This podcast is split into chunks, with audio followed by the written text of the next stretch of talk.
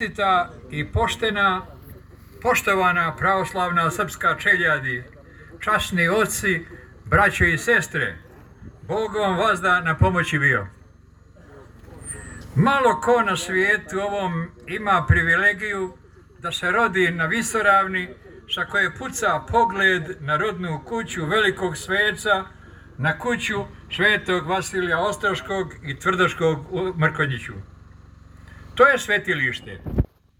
Još malo da se pritignem na prste, mogao bih vidjeti Dučića i Njegoša kako u Trebinju, jedan nasprem drugog, čute ili zbore. To samo oni znaju. E pa tu povlasticu i zadovoljstvo imamo mi zupčani. Nema sumnje da smo nečim zadivili tvorca. Možda zato samo što samo više, no drugi prožeti duhom srpske tradicije, vjere i kulture, ili što bolje od drugih znamo molitvu gospodnju. Danas se osjećam kao Dučić koji je putovao u Vitavoru, mjesto gdje je Jovan Pustinjak krstio Isusa Sina Marijinog, tvorca novog čovjeka. Veli pjesnik, opraću oči i lice u Jordanu, na čijim raspe, razbijenim ogledima plovi mučenički lik Hristov, a vratit ću se nata, natrag kao onaj blažen iz Evanđelja, čije su oči vidjeli čudesa.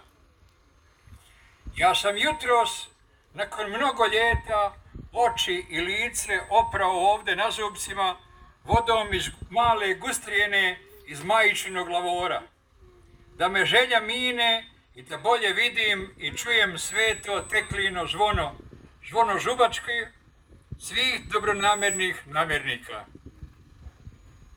Zvuk crkvenih zvona uvijek me fascinirao, jednostavno dotiče najiskrenije dubinu ljudske duše, odnosno na mističan način vezuje zemaljsko sa nebeskim posebno mi je bliska i draga zvona sa Spasove i Đurđeve crkve, čiji su mi zvuk utisnuti još u detinstvu, grije, grije mi dušu i cijel život i nosi me daleko. Čini mi se da se za pražnik ili vjenčanja jedno te isto zvono vedrim tonom slavi, a za sprovode i sahrane zvoni tuhaljivo.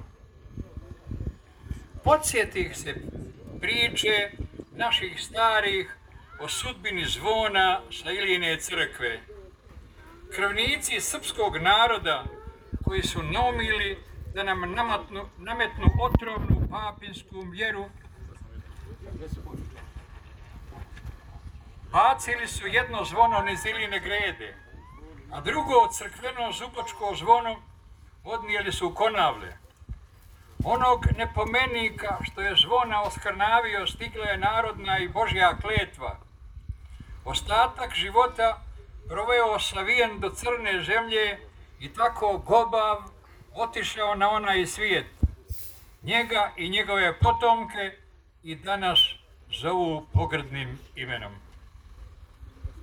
Nekad davno šetao sam obalom Herceg Novog sa bliskim rođakom koji dugo živi u ovom srpskom mjestu.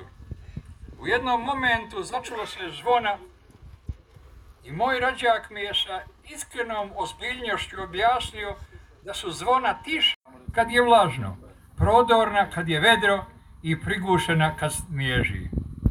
Godinama se trudim da osjetim tu raznobojnost tonaliteta, ali mi ne ide.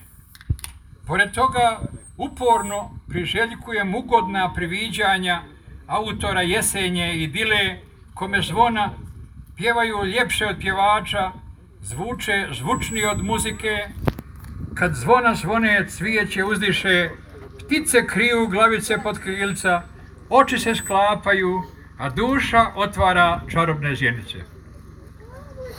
Neka glas zvona ovog hrama svete tekle, glas božanske zaštite i nosilac svete snage koja će nas držati u slozi i ljubavi, bogami i pomoći u preobražaju duhovnom, moralnom,